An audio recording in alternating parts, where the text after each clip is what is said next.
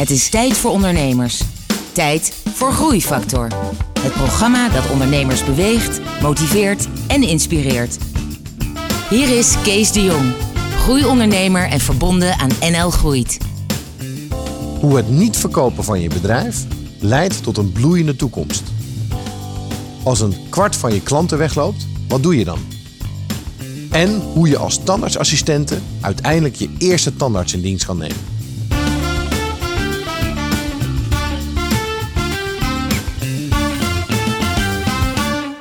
Hallo en welkom bij Groeifactor. Het programma dat ondernemers beweegt, motiveert en inspireert. Met een openhartig gesprek met een inspirerende ondernemer. En vandaag is Maya Angulal mijn gast. Dat zeg ik goed? Ja, dat zeg je goed. Ehm, jij hebt een bedrijf opgericht, Mondzorg Dental Beauty. Dat klopt. Nou, daar gaan we het eh, eh, over hebben. Ehm, en ik denk dat het al duidelijk is wat jouw bedrijf is. Want het is een tandartsen, eh, tandartsenpraktijk, mondhygiënistenpraktijk. Klopt, ja. En je zit in Den Haag. Ik zit in Den Haag. Je hebt ongeveer twaalf vrouwen in dienst. Ja. En je hebt het wanneer opgezet? In welk eh, jaar? In 2002, toen ben, ben ik alleen begonnen als Ja. vrijgevestigde mondhygiënist in de bestaande tandartspraktijk. Ja. En eh, daar ben ik begonnen. Ja. alleen, zonder personeel. En een mooie, nou ja, dat is al. En, en inmiddels heb je inderdaad een mooie bloeiende eh, praktijk opgebouwd. Ja. Wilde je altijd al ondernemer worden? Kom je uit een ondernemersnest? Ja, mijn moeder eh, die was, eh, en mijn vader die zijn allebei eh, de eerste, een van de eerste immigranten uit Suriname naar Nederland gekomen. Mhm. En ze hadden niks. Ze hadden geen, geen bezit, geen geld. Ze moesten gewoon aan de bak. Ze moesten werken. Ja. En, en wanneer En, kwamen ze in Nederland?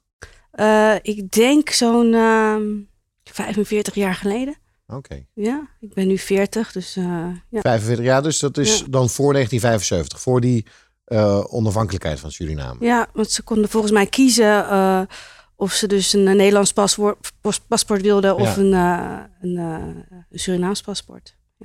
En toen ben jij vijf jaar daarna Geboren. geboren. Ja. Maar zij waren dus ondernemer?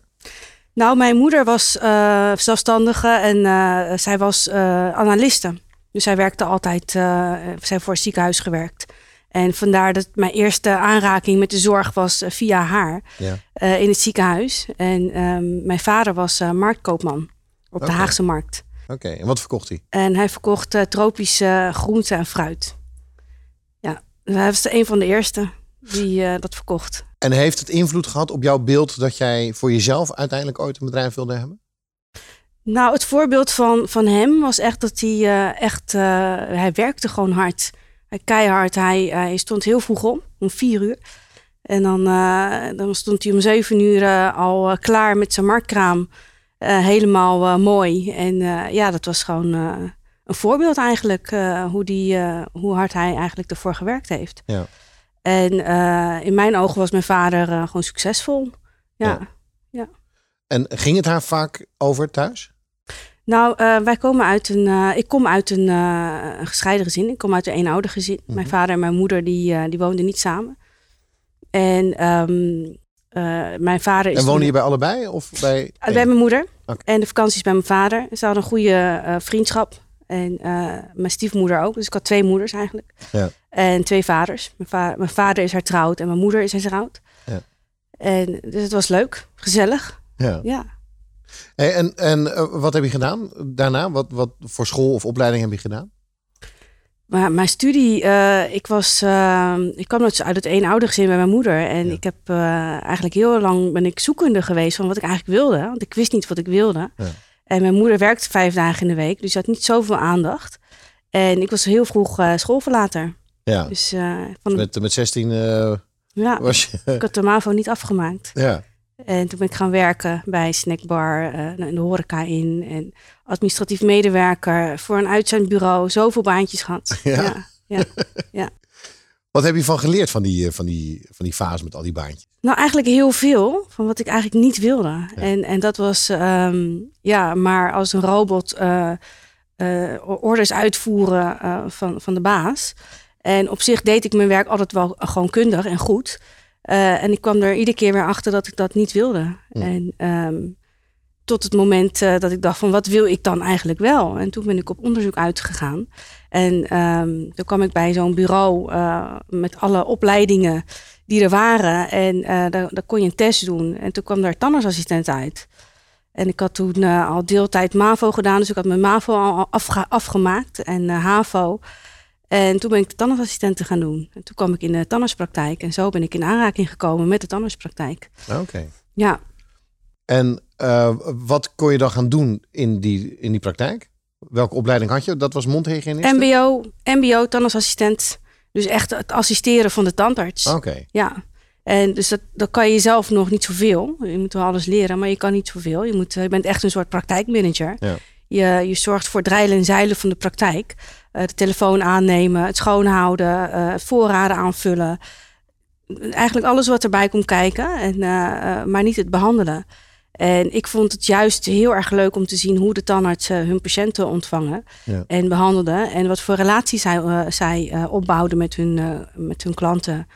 En toen dacht ik van nou, dat wil ik eigenlijk ook. En toen ben ik verder gaan studeren gelijk na, de, na mijn uh, studie van tandartsassistenten Mhm.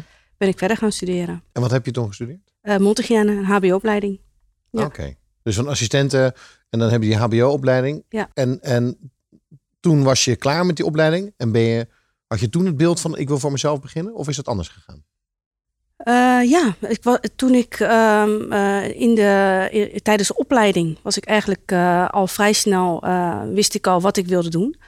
En welk werkveld ik leuk vond. En um, uh, ik heb in, uh, in de parodontologische kliniek gewerkt in Den Haag. Sorry, wat voor kliniek? Ja, parodontologische kliniek. Dat was een uh, hele mooie, ja, chique kliniek eigenlijk. ja. En, Zo klonk het ook een beetje natuurlijk. Ja. Het, is al, het is al Den Haag, dat is al chic. Ja, ja een heel mooi pand ook. en daar heb ik eigenlijk ja, het, ja, mijn inspiratie vandaan gehaald om ja. mijn eigen praktijk te beginnen. En ik heb ook nog een jaar in loondienst bij hun gewerkt tijdens de, dat ik startte voor mezelf. En uh, ja, dat was gewoon uh, ja, mijn voorbeeld eigenlijk, hoe ik het uh, wilde hebben. Ja. Want, die, um, want je kon al voor jezelf starten terwijl je daar nog werkte? Ja. Dat vonden ze oké? Okay. Ja. En, en hoe ben je dan gestart? Wat was het moment dat je dacht, oké, okay, nu ben ik er klaar voor om, om, om het zelf te gaan doen? Om zelf een, een, een nou, toen het thuis was het heel makkelijk. Uh, omdat uh, ik had natuurlijk heel veel um, uh, connecties met tandartsen. Omdat ik al kennis had gemaakt met, met de tandartsen die ik de, tijdens mijn assistentenopleiding had leren kennen. En um, dus er, er, er waren tandartsen die zeiden van nou, je mag mijn praktijk huren. voor drie dagen in de week. En um, wij sturen jou de patiënten. En ik ben zelf ook nog gaan lobbyen bij verschillende tandartsen. Van, nou, ik ben zelf uh, vrijgevestigde mondhygiëniste. Um, en ik, uh, ik heb uh, ruimte voor, voor jullie klanten. En zo heb ik dus mijn klantenbestand opgebouwd. En die mensen hebben mij, die tandartsen hebben mij al hun patiënten doorgestuurd. En op een gegeven moment. maar, maar waarom deden ze dat dan naar jou? Want omdat jij ze had leren kennen en. Nou, ik was, uh, ik was ten eerste afgestudeerd, uh, mondhygiënist. En uh, ik had um, ervaring in de parodontologische kliniek. En dat is een vooraanstaande verwijspraktijk. En ja, dat was gewoon een, een mooie, mooi opstapje. En ik, ik, ik presenteerde mezelf ook. Ik ging ook langs. Ik, ik gaf elk jaar gaf ik een flesje wijn en een bonbonsje. En dan bedankte ik ze. En zo kreeg ik dan een goede relatie met de tandartsen. Oké. Okay. Ja, en uh, ja, dat ging goed. En op een gegeven moment uh, kon ik niet meer verder groeien uh, met die uh, drie dagen die ik huurde. En ik wilde meer. En toen heb ik een, een andere praktijk, of een andere locatie eigenlijk, een casco-locatie heb ik gehuurd. Ja. Helemaal leeg. ook naar de bank gegaan voor een lening om het in te richten. En dat is heel mooi geworden. Ja, okay. in 2007. Jij vertelde net, je had wel je opleiding gedaan, maar je had nog nooit eerder een eigen bedrijf gehad. Hoe, is, hoe heb je dat ervaren, die stap? Hoe is dat gegaan? Nou, in mijn hoofd had ik het al klaar, dat plan. En uh, tijdens mijn opleiding uh, had ik een, uh, een, workshop van, van, van, van, van landschotbankiers, was dat toen, um, Chris Segers. En daar moesten we een bedrijfsplan moesten we opstellen en maken en Mhm. presenteren.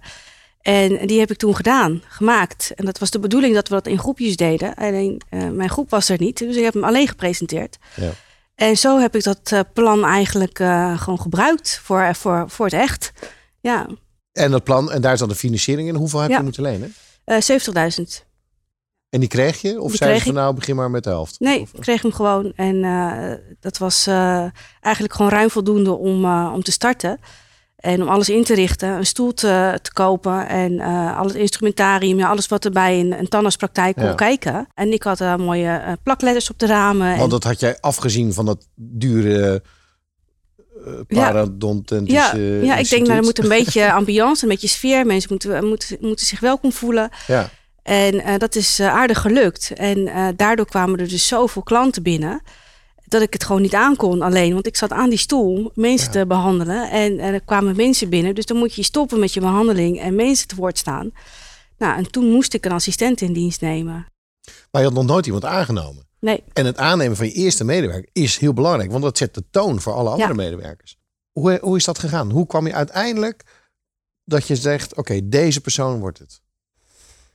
Uh, ik had niet zoveel tijd om, uh, om een keuze te maken. En uh, het aanbod was ook niet zoveel. En nu, nu zijn er genoeg assistentenopleiding. Maar toen de tijd was het best wel bijzonder als je een assistentenopleiding en een diploma had. Dus ik was al lang blij als ik iemand met ervaring had en die dan een diploma. Dus ik, ik had heel veel geluk. En na die eerste medewerker moest je al snel een tweede medewerker, begrijp ik uit jouw verhaal, want die groei die bleef doorgaan. Ja, want ik zat daar vijf dagen, eigenlijk zes dagen, op zaterdag ook. En uh, ja, assistenten kunnen vaak niet meer dan drie of vier dagen werken. Uh, dus daar was dan nog iemand nodig. En ja. uh, toen kwam er tweede erbij. En door de aanloop van, van klanten die geen tandarts hadden, ehm, ja, ging ik naar mijn netwerk van tandartsen. Van joh, eh, kunnen jullie nog klanten aannemen? Kunnen jullie, hebben jullie nog plek voor, voor patiënten? En een hoop van die tandartsen zei van nou, wij hebben echt geen plek meer. Uh, dus um, ja, ik weet niet uh, hoe je dat wil doen, maar ze, ze kunnen niet bij mij uh, terecht. En ja, en toen moest ik wel een, een tandarts aannemen. Ja, dat was in 2008. En dat later. is gelijk een, een, een duur persoon, die verdienen dan wellicht ja. meer dan jij zelf? ze werkt, hij werkte op omzetbasis, en, okay. dus niet in loondienst. Okay. Ja, dus een soort wel... standaard ZZP'er die je dan uh, naar binnen had ja. getrokken. Ja. En hoe kwam je daar aan? Uh, advertenties plaatsen, uh, zo'n bemiddelingsbureau benaderen. Van, oh, ik heb een tandarts nodig. En dan krijg je allemaal mensen op gesprek. En ja, mijn aller, allereerste tandarts was een Duitser. En dat was geen succes. Waarom niet? Ja, die had zijn eigen visie en, en, en zijn eigen manier van behandelen. En um, ja, dat, dat, dat, klikte totaal niet. Dat is ook de, klanten waren ontevreden. Ik durfde mijn klanten ook niet uh, naar hem toe te sturen. Dus daar heb ik uh, een paar maanden mee gewerkt. En, en daarna, toen moest je hem ontslaan? Toen moest ik stoppen met, uh, met hem. En toen kwam de, de, volgende tandarts. En daar was ik wel, hadden we een hele goede klik mee. Ja. En zit hij er nog steeds? Die is twee jaar geleden vertrokken. Mhm. Ja. Je vertelde net toen je 16 was, Je vroeg de, de MAVO uh, uh, verlaten of allerlei uh, baantjes gedaan van horeca. En toen was jij gewoon ondernemer met je eigen bedrijf, met personeelsleden, met verantwoordelijkheden, salarissen die je moest betalen, met, met huur die je moest betalen en, en een dure tandartsen die je moest binnen. Dat was natuurlijk, dat is een enorme stap. Hoe heb je dat ervaren, dat je je eigen bedrijf ging runnen? Ja, hard werken. Ik heb gewoon, het voorbeeld van mijn vader was gewoon gaan. Gewoon, uh, gewoon werken eigenlijk. Uh, doe uh, wat, je, wat je moet doen. En het personeel vond ik het lastigst. Mijn, mijn vader had ook personeel. En um, dat was, was, was trouw. Die, die, waren jaren al bij hem in dienst. En ik ging daar eigenlijk vanuit dat het bij mij ook zo makkelijk ging. En ja, dat, dat, dat, dat, was toch wel even anders.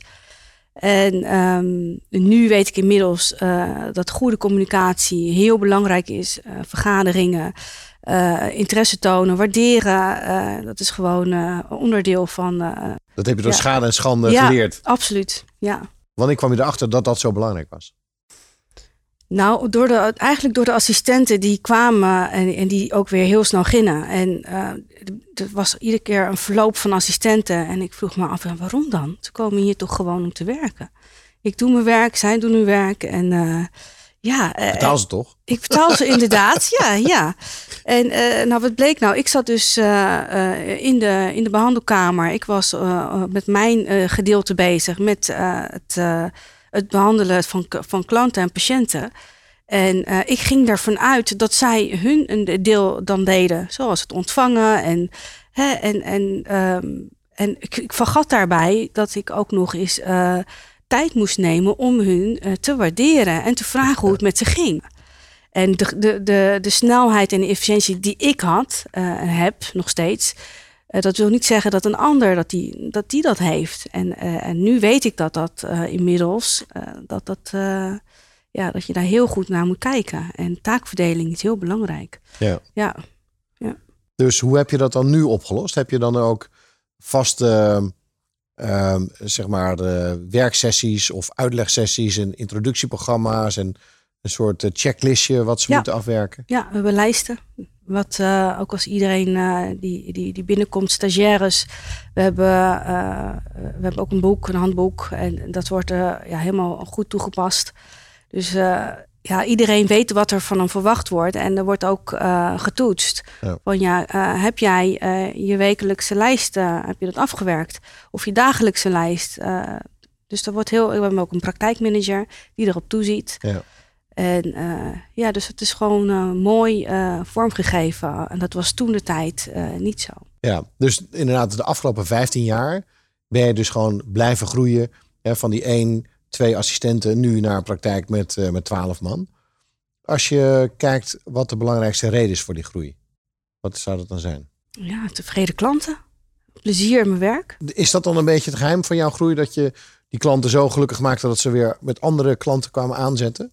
Dus dat je mond tot mond reclame. Ja.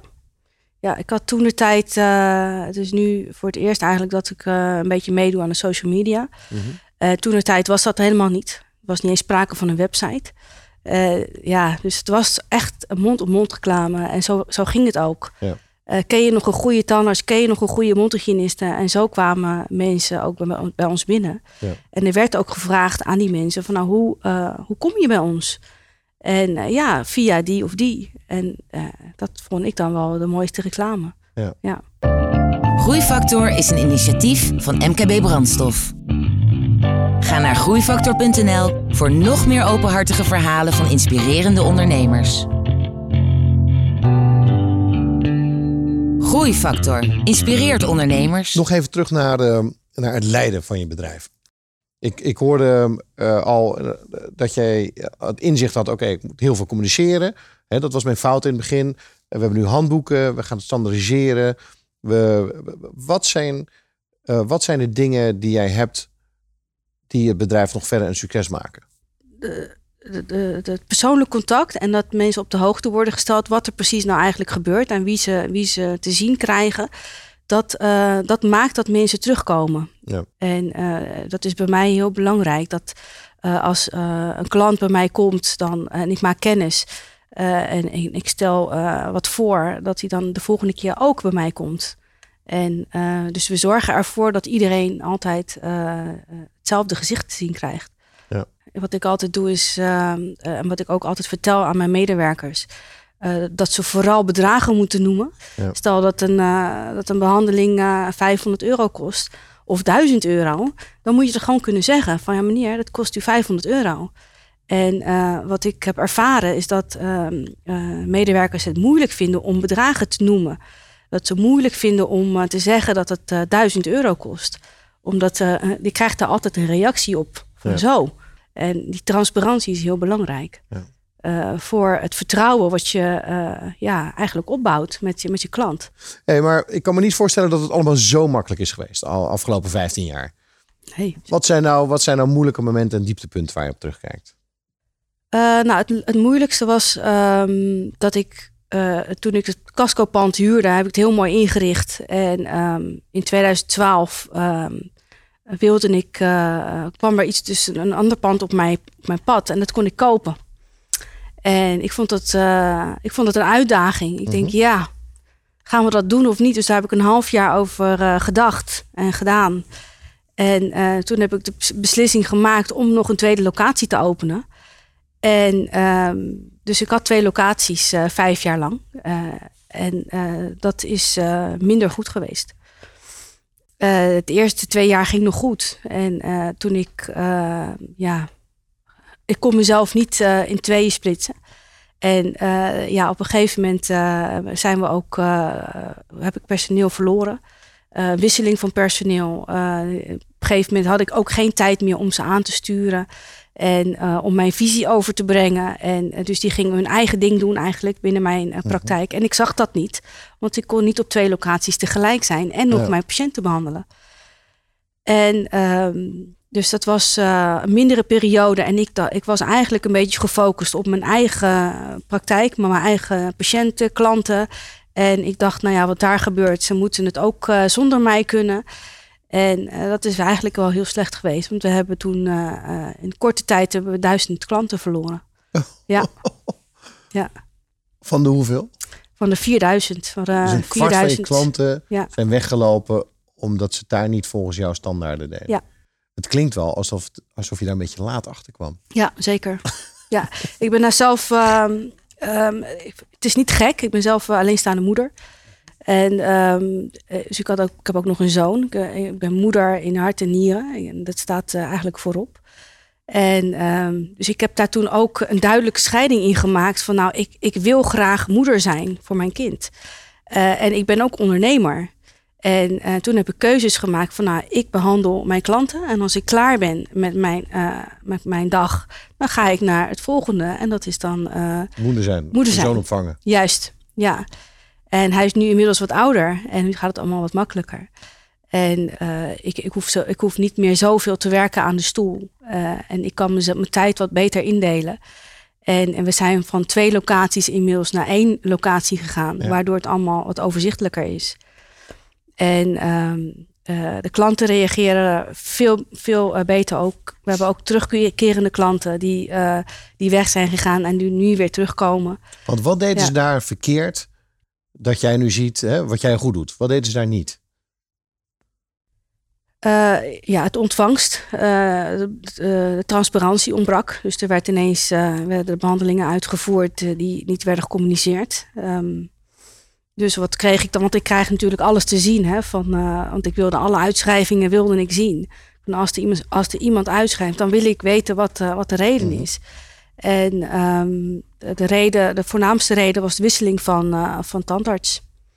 En uh, wij waren van oorsprong, wij zijn van oorsprong uh, een, een mondhygiënepraktijk. Dus iedereen kwam als eerst bij de mondhygiënist. Ja. En toen ik daar wegging, toen kwamen er dus assistenten te werken. die dachten dat ze dus iedereen eerst bij de tandarts moesten plaatsen. En die tandarts die uh, had er helemaal geen, uh, die, die, wist helemaal niet uh, hoe dat werkte. Dus die, ja, dat werd eigenlijk een soort een mengeling van, van diensten. Tandarts, mondhygiëne, wat was het nou? Het was een beetje onduidelijk. Ja. En de mondhygiënisten zaten niet op één lijn. de tandarts zat niet op één lijn. En dus er werd de ene zei dat. een beetje als een chaos. Chaos. Als je nog een klein inderdaad. kind thuis zitten ja. en je, je moest zelf hard werken. Ja. En je werkte in je bedrijf ook nog eens een keer. In plaats van dus het klinkt eigenlijk wel alsof het een. Uh, ja. Heb je toen wel eens gedacht van nou, ik, ik kap ermee? Ja, zeker. Ik heb op het punt gestaan om te verkopen. Ja. En toen? En uh, nou goed, er was een, een, een, goede partij die het wilde kopen. En uh, met een goed bedrag. En, ehm, maar die wilde dus eh, dat ik me twee jaar zou binden aan dat, aan dat bedrijf van hun. En toen dacht ik, ja, waarom eigenlijk? Als ik me nog twee jaar moet binden, dan kan ik net zo goed zelf doen. Want dan ben ik klaar met mijn. Want ik had dubbele lasten.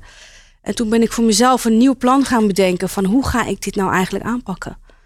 En op een gegeven moment, uh, na goed uh, overdenken, uh, was ik heel blij dat ik het niet had verkocht. Ja. heel blij eigenlijk. Eigenlijk geschenk uit de hemel. Toen dacht ik van, nou ja, dat hoeft helemaal niet. Ik kan gewoon één, één locatie wegdoen en alles onderbrengen in mijn eigen kooppand. Mm-hmm. En dat scheelt dan in de kosten, in personeelskosten. En uh, toen ben ik op een, een, sommetje gaan maken. En uh, toen kwam ik tot de conclusie dat ik uh, binnen twee jaar eigenlijk veel beter producten en dienst kon verlenen dan, dan toen. En um, dat ik gewoon weer kon aanschuiven in mijn eigen praktijk. En dat de chaos die er toen was, uh, waar en waarom ik het wilde verkopen, dat dat, um, met, met goed beleid en ehm, ja, met, met overleg van personeel, dat dat gewoon opgelost kan worden. En dat is ook gebeurd. Zoals ik het heb gedacht, zo is het gebeurd. Heb je nog hulp gehad van mensen? Of ben je nog met mensen gaan praten over die uitdagingen die je toen had? nee, ik stond er vrij alleen voor. Ja. Ja. dat is wel een beetje ook, ook het thema, zeg maar. Ja. Je, doet, je hebt wel alles zelf gedaan. Ja, ik had een uh, praktijkmanager. Zij is begonnen als assistente. En uh, Jessica. En dat was toen mijn steun en toeverlaat nog steeds. Mhm. En uh, zij heeft mij daar wel doorgeholpen, absoluut. Ja. ja. ja. En de tandarts die daar toen zat ook, die bleef komen. En daar heb ik wel negen jaar een goede samenwerkingsrelatie mee gehad. En Jessica, de praktijkmanager, is er nog steeds. En ja, mijn, mijn ouders, mijn moeder, mijn stiefmoeder, uh, mijn vader en ja, mijn biologische moeder. Die hebben me altijd goed gesteund. Ze zeggen wel eens, eh, als ondernemer moet je naast zeg maar in je bedrijf werken, ook aan je bedrijf werken. Ja. En ik denk dat in jouw geval ben jij zelf nog, hè, behandel jij zelf ook nog patiënten. En dat lijkt me zo lastig, want je hebt al een volle baan. En daarnaast moet je inderdaad nog eens een keer het, het, het, plannen, een visie bouwen, communiceren, transparant zijn, mensen inwerken, handboeken maken, dingen controleren, de boekhouding doen. Ondernemen en, en uh, behandelen aan de stoel zijn twee verschillende vakken. Ja, dus maar wat ben je? Ben je dan een ondernemer? Allebei. Of ben je een mondhygiëniste? Ja, allebei. Ja, maar nu moet je kiezen. Ik denk dat het een groeiproces is. Ik zou zelf op dit moment uh, uh, wil ik zeker blijven professionaliseren ik weet dat uit ervaring moet, moet ik soms even terug, stapje terug en niet zoveel behandelen. En even kijken wat er allemaal aan de hand is. En uh, wat er, wie er allemaal binnenkomt en wie er werkt en hoe het allemaal gaat. en dat betekent dat ik inderdaad minder aan de stoel zit en dat ik dan meer ga ondernemen. Ja, ja. dus dat eigenlijk dan ja. Onoverkomelijk dat je dat inderdaad. Zeker. En, en hoe zorg je dan dat je jezelf daarin uh, nog verder bekwaamt? Heb je dan opleidingen, lees je boeken? Hoe, hoe zorg je ervoor dat je dan een betere ondernemer wordt? Uh, ik kijk. Ik kijk ook bij andere praktijken. Ik, ik ga langs. Ik hou mijn, onderhoud mijn relaties bij tandartsen. Mm -hmm. Ik kijk um, naar wat de ontwikkelingen zijn binnen de gezondheidszorg. Um, ik, ik hou me daarmee bezig met bij- en nascholing. En um, met, de, met de innovaties, vernieuwingen uh, binnen, binnen de tandheelkunde. Hey, en, en buiten je werk om, doe jij nog dingen om te ontspannen of te relaxen? Of wat, wat, wat doe je daarbuiten? Ja, ik zit, ik zit vaak op de yoga, sportschool. Ik, um, ik hou van buiten lopen in de duinen. Ik woon vlak bij de duinen, dus dan ga ik wel eens uh, langs de Noordzeeroute uh, gewoon lopen. En uh, ja, dat is het eigenlijk. Ik hou Yoga. van muziek. Ja, muziek zeker. Muziek is echt. Ik, ik, als ik thuis kom, dan, dan staat er altijd wel een muziekje aan. En ehm, ja, mediteren. Wat is mediteren? Ja, voor mij is dat gewoon een muziekje opzetten en gewoon even niks denken. En gewoon ontspannen eigenlijk. En gebruik je muziek ook bij je werk of in je werk? Zeker. Ja. Hoe dan? Tijdens behandeling zet ik altijd muziek op. Ja. En kijk je dan naar de patiënt en zeg je: Oké, okay, dit, dit, dit is de muziek die de patiënt nodig heeft op dit moment? Doe je dat zo of is het gewoon random? Nou, soms hebben ze zelf verzoekjes. En dat, dan vind ik dat geen probleem. En dan zet ik dat gewoon op. En dan is het ook gewoon goed. Wat, maar wat voor soort dingen krijg je dan? Ik krijg toch meestal uh, het verzoek uh, rustige muziek. En ik krijg bijna nooit commentaar op klassieke muziek. Als ik klassieke muziek draai tijdens mijn behandeling, heb ik daar eigenlijk nooit commentaar. Altijd wel positieve reacties op gehad. Van dat ze daar rustig van worden. En um, ja, dus dat is. Hou je zelf ook van klassiek? Ja. Ja. Wat voor klassiek? Ja, denk aan uh, Mozart, Beethoven. Uh, ja, ik vind uh, Liszt heel mooi. En pianoconcerten, maar het kan ook jazz zijn, saxofoon. En ik ben eigenlijk heel veelzijdig. Ja. Maar in de praktijk zelf, eigenlijk tijdens het behandelen, want dat is toch best wel een intensief ja, gebeurtenis voor zo'n klant, dan vind ik dat daar een rustige omgeving bij past. En bij sommige mensen absoluut niet. Die willen echt ja, lekker knallen en dat mag ook. Ja. ja. Ehm, als jij nu tegen jezelf advies kon geven toen je 16 jaar was, wat voor adviezen zou je dan geven? Ja, ontdek uh, wat, je leuk, wat je leuk vindt. Ik wist toen ik 16 was echt niet wat ik leuk vond. En door veel te doen en wist ik wat ik niet leuk vond. Dat is ook heel belangrijk. Um, en daardoor kreeg ik dus meer inzicht in wie ik was en wat ik wilde neerzetten. En dus heel belangrijk, verken jezelf. Doe wat je leuk vindt. Maar als je niet weet wat je leuk vindt en je vindt alles leuk, uh, dan is het uh, denk ik goed om, om te gaan verkennen. Ja. ja. En welke tips zou je andere ondernemers uh, willen geven? Welke inzichten heb jij opgedaan waar andere ondernemers die nu hier naar luisteren iets mee zouden kunnen? Ja, kijk, als je de, de ondernemer die nu um, zelf nog bezig is in, in, in, in zijn bedrijf, vaak kan je jezelf verliezen in, in, in het dienst die je geeft of het product dat je verkoopt. En uh, dat, dan moet je soms eventjes terugstappen uh, en even weg uh, van de werkvloer om te kijken van nou is het nog, draait het nog zoals je wenst en loopt het nog zoals je wil. En dus even afstand nemen en dan kijken op het geheel wat je hebt neergezet. En dat heb ik iets weinig gedaan. En ik merk toch, als je dat doet, dan kan je perfectioneren, professioneren, wijzigingen aanbrengen. En dat is eigenlijk de kracht van een, een goede, succesvolle onderneming nog andere inzichten of adviezen? Want ik vind dat je onbewust wellicht heel veel goede dingen hebt genoemd. Inderdaad, dat je continu moet communiceren met je personeel. Dat je, dat je continu uh, dat je transparantie moet geven. Dat je je kernwaarden over hoe je met klanten omgaat. Dat je dat heel duidelijk maakt. En dat je het ook opschrijft in een soort, in een soort handboek instructie als nieuwe mensen komen. Juist, ja. Ik denk dat er voor groeien is het. Uh ja, dan, dan, moet je een, een handboek hebben uh, om je visie over te kunnen dragen. En um, alleen maar met een gesprek is niet voldoende. Met nieuw personeel, als je dan wil groeien, en, dan, dan moet je daar een, een, tool voor geven. Ja. ja, en dat is heel belangrijk, een handboek. Hey, en als laatste, waar eindigt het? Kijk eens tien jaar vooruit. Of ja, eindigt, kijk eens twintig jaar vooruit. nou ja, goed, het eindigt niet. We gaan altijd door. En ik wil absoluut zeker blijven werken. En vooral in mijn branche. Ik vind het hartstikke leuk. Mijn passie ligt daar echt. En um, ook uh, over twintig jaar nog steeds. En ik denk zeker met meer innovatie, meer vernieuwing. En um, met uitbreiding van personeel. met dezelfde visie. En wellicht meerdere stoelen en meerdere locaties. Oké. Okay. Ja. Nou, dat klinkt, een, klinkt als een mooie ambitie. Dus ik lijkt me goed om daarmee af te sluiten. Uh, Maya, uh, dank je. Uh, je had een bijzonder, uh, of je hebt een bijzonder ondernemersverhaal.